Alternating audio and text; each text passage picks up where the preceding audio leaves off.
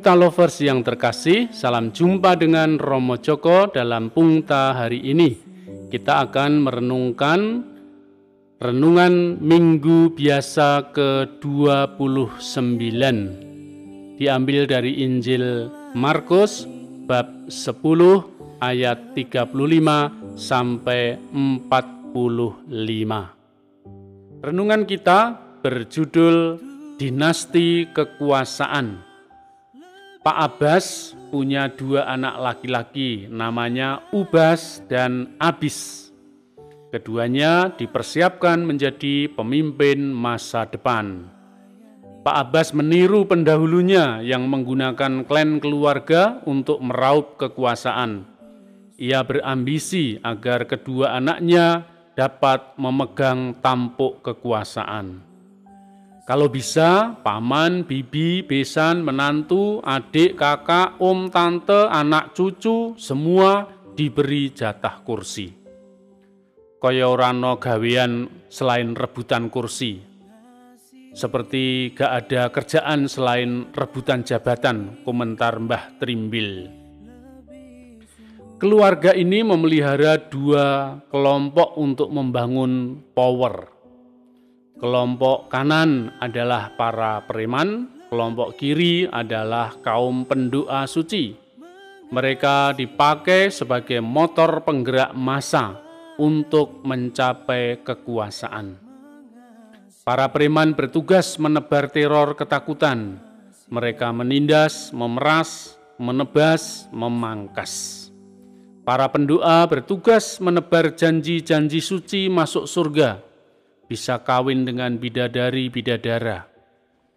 Yang penting bagi Pak Abbas, kedua anaknya bisa berkuasa dengan segala cara. Harapannya si Ubas jadi Perdana Menteri, si Abis jadi Ketua Parlemen. Kalau bisa, semua kursi kekuasaan harus diambil keluarga. Pungta lovers yang terkasih, dalam Injil Yohanes dan Yakubus, anak-anak Sibidius, meminta jatah kekuasaan. Perkenankanlah kami ini duduk dalam kemuliaanmu kelak, seorang di sebelah kanan dan seorang lagi di sebelah kirimu, kata mereka. Kesepuluh murid yang lain menjadi marah kepada Yakubus dan Yohanes.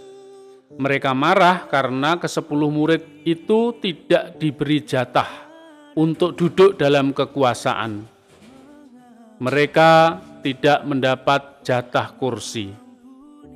Dalam situasi ribut dan keos itu, Yesus memberi pengajaran kepada mereka apa arti kekuasaan sebenarnya. Kamu tahu bahwa orang-orang yang disebut pemerintah bangsa-bangsa memerintah rakyatnya dengan tangan besi, dan pembesar-pembesarnya menjalankan kuasanya dengan keras atas mereka. Tetapi Janganlah demikian di antara kamu.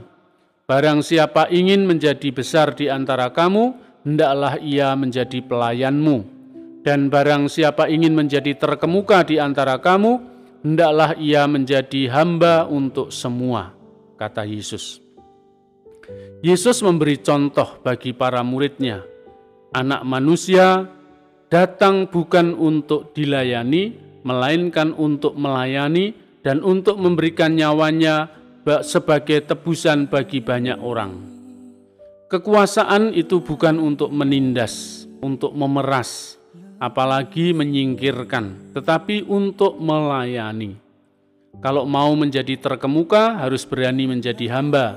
Kalau mau menduduki kursi tinggi, harus mau menjadi abdi. Hati-hati penyakit post-power syndrome mengintip bagi mereka yang diperbudak ambisi kekuasaan. Bagi kita, kekuasaan adalah sarana untuk melayani, untuk mengabdi kepada banyak orang. Melihat bunga warna merah, hari-hari terasa cerah. Katanya kuasa itu amanah, habis kuasa kok malah serakah. Sekian, sampai jumpa. Salam sehat, salam bahagia. Selalu bersyukur setiap hari. Berkah dalam. sungguh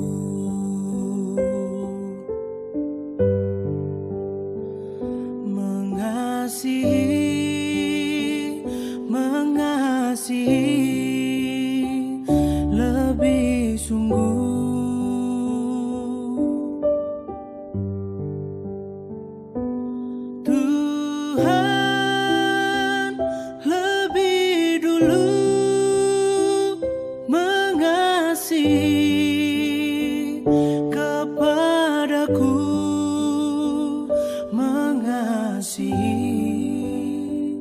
mengasihi